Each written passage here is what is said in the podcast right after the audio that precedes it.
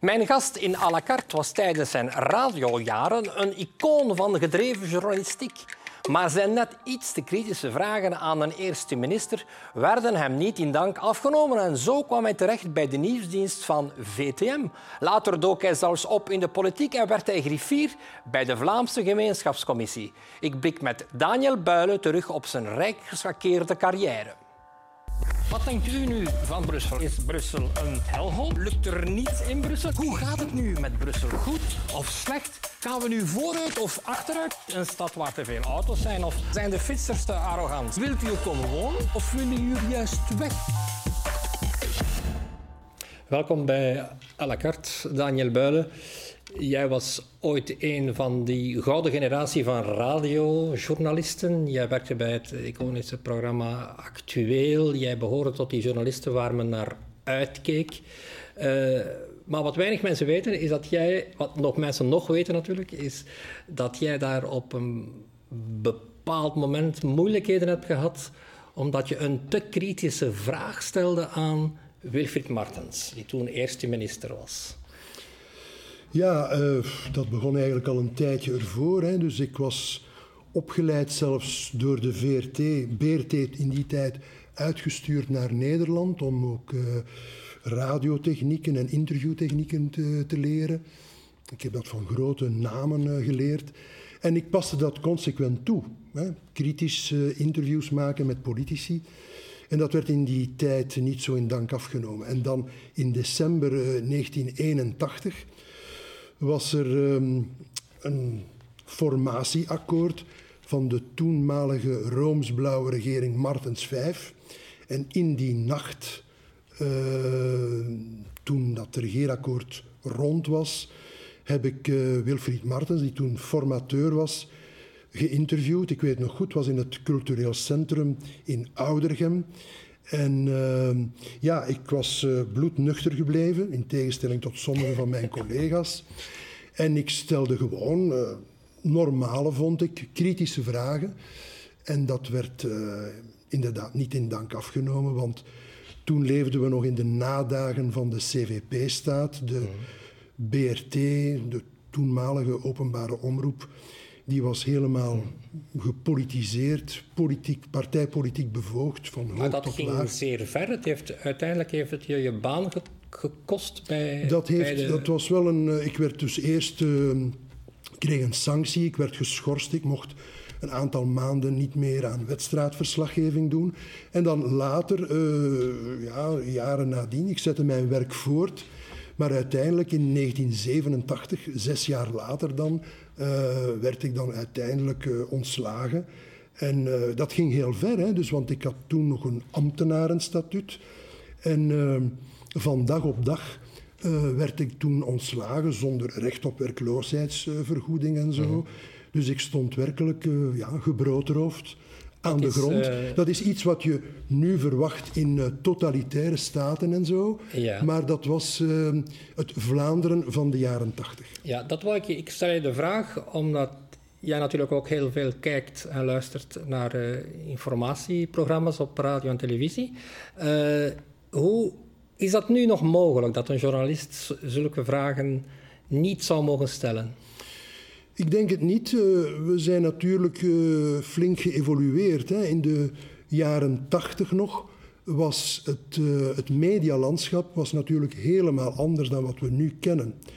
de kranten bijvoorbeeld, dat waren allemaal eigenlijk stuk voor stuk, ja, ehm, dat waren partijkranten, partijorganen, of ze waren gelieerd of uitgegeven door een vakbond of door een belangenorganisatie.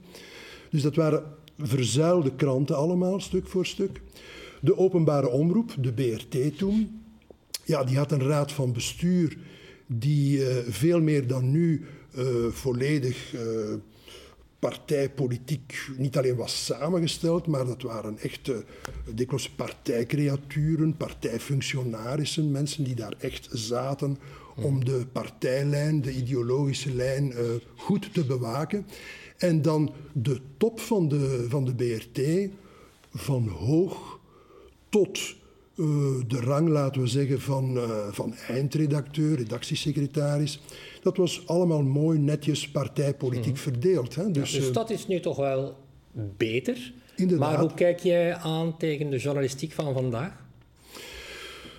Wel, er zijn ehm, gunstige evoluties en er zijn er minder gunstige, vind ik. Uh, gunstig is inderdaad dat ehm, journalisten uh, onafhankelijker kunnen werken, dat er dus minder uh, bevoogding is. We leven niet meer in het verzuilde Vlaanderen. Um, dus ze kunnen bijvoorbeeld nu kritische vragen stellen zonder dat daar een sanctie op volgt. Alleen vind ik dat er soms te weinig kritische vragen worden gesteld, hoewel daar vaak gelegenheid toe is. Maar van de andere kant, dus dat is een gunstige evolutie. Ik denk niet dat uh, als ik, laten we zeggen, voor iets gezorgd heb, dat is dat mijn opvolgers uh, dat niet meer zal overkomen. Maar minder gunstig is, vind ik, dat er meer invloed is van commercialisering, op, mhm. ook op journalistieke programma's.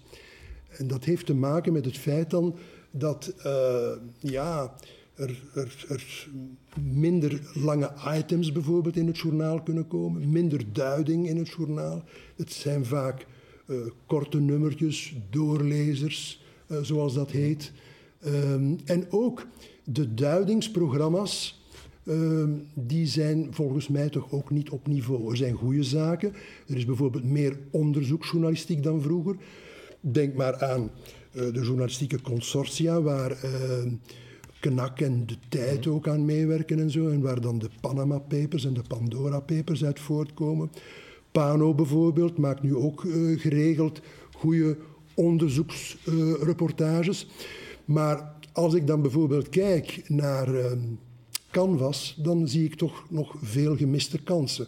Het feit dat bijvoorbeeld ter zake en de afspraak, dat dat niet één programma, één goed duidingsprogramma van gemaakt wordt, dat dan bijvoorbeeld in de afspraak nog gelardeerd wordt met zoiets uh, ludieks als dit is niet op de afspraak en zo.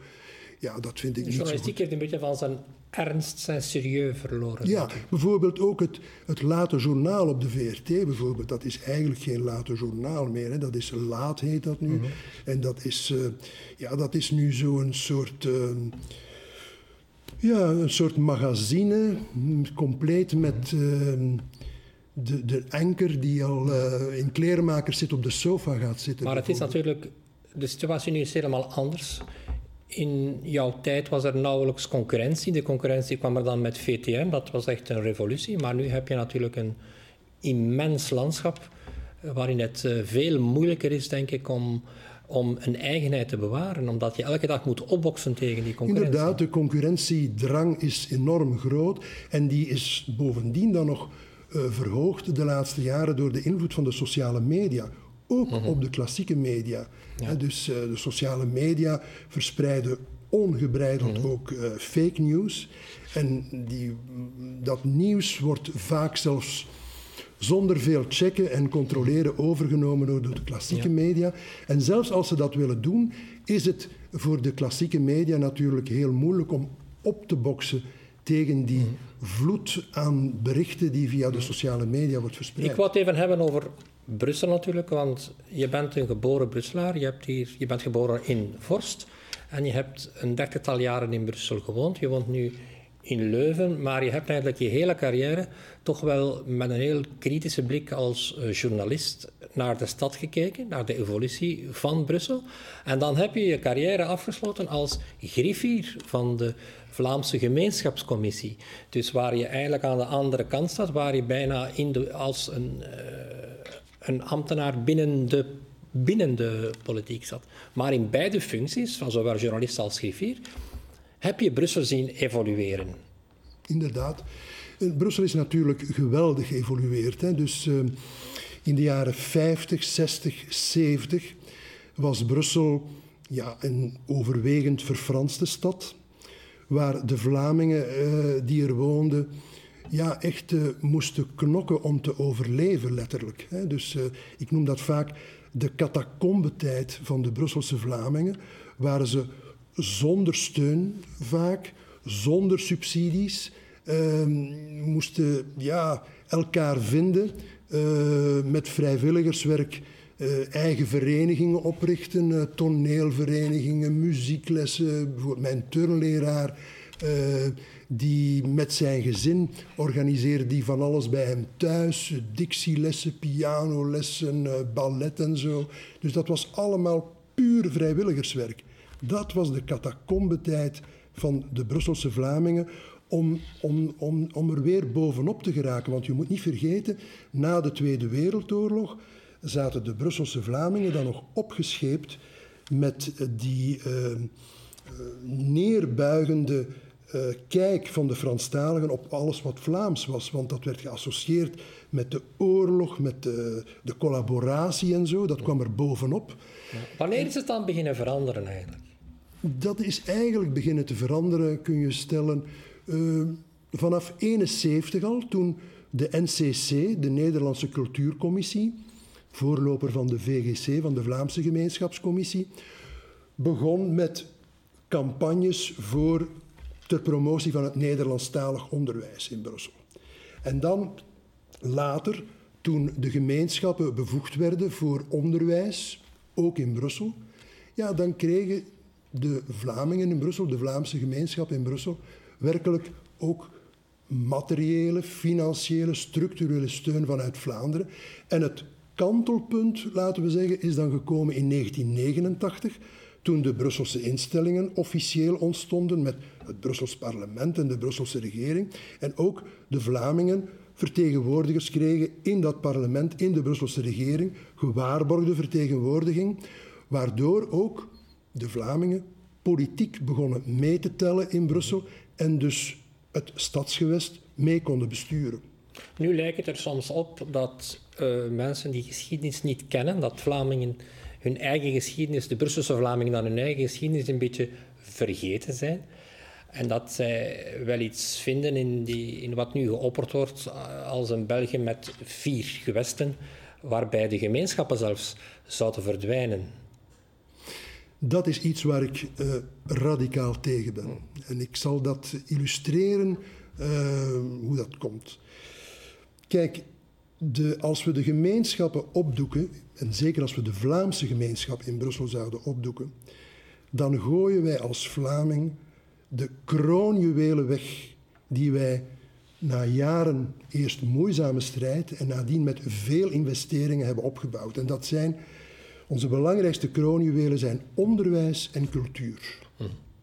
En uh, ik, ik kan u zeggen, kijk, als we de bevoegdheid zouden wegnemen van de Vlaamse gemeenschap over onderwijs en cultuur in Brussel, dan keren wij terug naar de tijd van toen. En naar de catacomben. Ja, en dan, eh, dan die tijd heb ik ehm, aan de lijve meegemaakt. En ik ga dat illustreren met een goed voorbeeld. Ik heb de tijd meegemaakt dat inderdaad onderwijs geen gemeenschapsbevoegdheid was. En dat dus zelfs in die tijd, mijn jeugd, was zelfs het Nationale Ministerie van Onderwijs bevoegd voor onderwijs. Dat heette toen nog zelfs nationale opvoeding. En wat had je dan in Brussel? Je had bijna geen Nederlandstalige scholen. In het beste geval waren er Nederlandstalige afdelingen bij katholieke scholen, mhm. in sommige gemeentescholen. Want nu nog is het zo dat een zestal van de 19 gemeenten geen Nederlandstalig gemeentelijk onderwijs hebben. Maar in die tijd stond dat niet, behalve de stad Brussel, die altijd een voorloper is geweest. Dat dateert nog van Karel Broos in der tijd. Die vond dat ook de kleine luiden in hun moedertaal uh, onderwijs uh, mochten krijgen. Een verlichte liberaal eigenlijk. En, uh, maar dus in die tijd, ik spreek over na de Tweede Wereldoorlog, de jaren 50, 60 en zo, uh, dan mocht je al van geluk spreken dat je, ja, dat je ergens Nederlandstalig onderwijs kon volgen. En dan moet ik u vertellen, uh, ik was een arbeiderszoon, mijn vader was een bouwvakker, mijn moeder uh, was schoonmaakster en kokkin en zo, ging uitwerken. En uh, ik had uh, mijn kleuterklas gedaan in, uh, bij de broeders Maristen in Oudergem. En uh, dat was ja, dus een Nederlandstalige kleuterklas en een Franstalige kleuterklas. En toen ik dan naar het basisonderwijs ging overstappen, ging ik met mijn moeder mij laten inschrijven in de school. Het waren de broeder Overste, was een West-Vlaamse broeder, broeder Leon. Uh, die zei, uh, mijn moeder zei, ik wil dat mijn zoon wordt ingeschreven in de Nederlandstalige afdeling. En die broeder zei, ja, maar ehm, ja, we hebben gezien dat, ze toch, dat is toch een manneke waar veel in zit en zo. Eigenlijk zou die beter naar de Franstalige afdeling gaan, want dat zal voor zijn carrière later beter zijn. Ehm, dan zal die aan een goede job geraken en je zal zien. Nee, nee, nee, zei mijn moeder. Uh, wij zijn Vlamingen en uh, ik wil dat mijn zoon in de Nederlandstalige afdeling wordt ingeschreven. Goed, we gaan naar huis. En s'avonds komt mijn vader thuis van het werk en ik heel fier, ik toon de inschrijvingspapieren. En die begint dat te lezen en die zegt, ja maar, u bent in de Franstalige afdeling ingeschreven. Dus die broeder Overst had tegen de wil van mijn moeder mij toch in het Frans ingeschreven. Een scheve streek. En uh, mijn vader zei, dat kan niet. En sanderendaags ben ik um, met mijn moeder teruggegaan en ben ik effectief dan in het Nederlands ingeschreven. En heb ik verder mijn carrière in het Nederlandstalig ja. onderwijs kunnen volgen. Maar ik wil maar zeggen... Het heeft niet veel gescheeld op, of jij welke, was verfranst. Op welke manier de verfransingsdruk toen werkelijk heel reëel was. Trouwens, ik, uh, ik had ook... Uh, twee ooms en tantes die ook na de Tweede Wereldoorlog waren ingeweken in Brussel. En ik heb twee neven. En die zijn wel in het Franstalig mm. onderwijs terechtgekomen. Want je hoort nu natuurlijk spreken over een Brusselse identiteit. En dan eh, ook bij Franstaligen hoor je heel vaak de, de vraag naar een tweetalig onderwijs. Uh, waarbij dan veel mensen zeggen: ja, waarom kan het Brussels gewest geen tweetalig onderwijs inrichten? Uh, maar dat, uh, twee, dat goed tweetalig onderwijs, dat hebben wij al in het Nederlandstalig onderwijs. Onze Nederlandstalige scholen worden daar juist om geroemd dat wij uh, niet alleen tweetalig zijn, maar zelfs goed meertalig zijn. En het zijn juist vele uh, Franstalige ouders en anderstalige ouders die in toenemende mate hun kinderen naar het Nederlandstalig onderwijs in Brussel sturen, precies omdat ze vinden dat de kwaliteit beter is en dat het zeker leidt tot tweetaligheid en meertaligheid. Dus het goede dat wij hebben opgebouwd, dat mogen we niet te grabbel gooien. Want als dat onderwijs in Brussel vergewestelijkt wordt, als dat dus een uh, gewone gewestbevoegdheid wordt, dan ben ik er zeker van dat we met het Nederlandstalig onderwijs weer compleet bergaf gaan. Want dat wordt gewoon opgeslokt door een soort, ja, door een soort soi-disant tweetalige moloch. Maar, uh, Denk je dat de Vlaamse politieke klasse, buiten Brussel dan, dat voldoende beseft, dat gevaar? Dat, dat, dat met het verdwijnen van de gemeenschappen bijvoorbeeld, dat onderwijs en die cultuur zouden kunnen verdwijnen? Wel, uh, sommigen zien dat niet, maar wat ik veel erger vind, is dat Vlaams-Brusselse politici, of een deel van de Vlaams-Brusselse politici, dat niet meer inzien. En zelf beginnen te pleiten voor uh, niet alleen uh, tweetalige verkiezingslijsten, maar ook het overhevelen van onderwijs uh, naar het Brussels gewest. Hoe komt dat zij die gevoeligheid verloren hebben? Wel, vaak zijn dat ook inwijkelingen die in Brussel gekomen zijn op het moment dat er al een comfortabele situatie ontstaan was en dat de Vlamingen al hun rechten hadden gekregen, dat ze een schitterende culturele infrastructuur hadden, dat er heel veel Nederlandstalige scholen al waren. En dus vanuit een soort nieuwe stedelijkheid denken ze dat dat allemaal zomaar mooi in de schoot komt gevallen en dat dat ten eeuwige dagen zo zal blijven als dat maar in de grote Brussel, Brusselse pot blijft. Dus er is een soort verkeerde, vind ik, Brusselse identiteit. Want je kunt je gerust uh, Brusselaar voelen en fier zijn over je stad, zoals Antwerpenaren of Gentenaren of Leuvenaars dat kunnen zijn. Maar tegelijkertijd moet je toch nog altijd een band behouden met de Nederlandstalige gemeenschap, met de Vlaamse gemeenschap waartoe je behoort. En die trouwens, door die band Vlaanderen-Brussel, zoveel heeft opgeleverd. Want als we staan waar we nu staan in Brussel, dan is dat niet alleen door de inzet van die Brusselse Vlamingen, die hier veel verwezenlijkt hebben en die ons werkelijk doen excelleren in de podiumkunsten bijvoorbeeld, maar ook omdat er zo massaal veel investeringen zijn geweest vanuit Vlaanderen in Brussel, die dat hebben mogelijk gemaakt. En als we die band doorknippen tussen Brussel en Vlaanderen, dan loopt het hier met de Vlamingen in Brussel echt niet goed af. Goed, meneer Buijer, nog altijd even scherp, kritisch en lucide. Dank voor uw komst, beste kijkers. Bedankt. Volgende week zit Melina hier weer. Tot dan. Dag.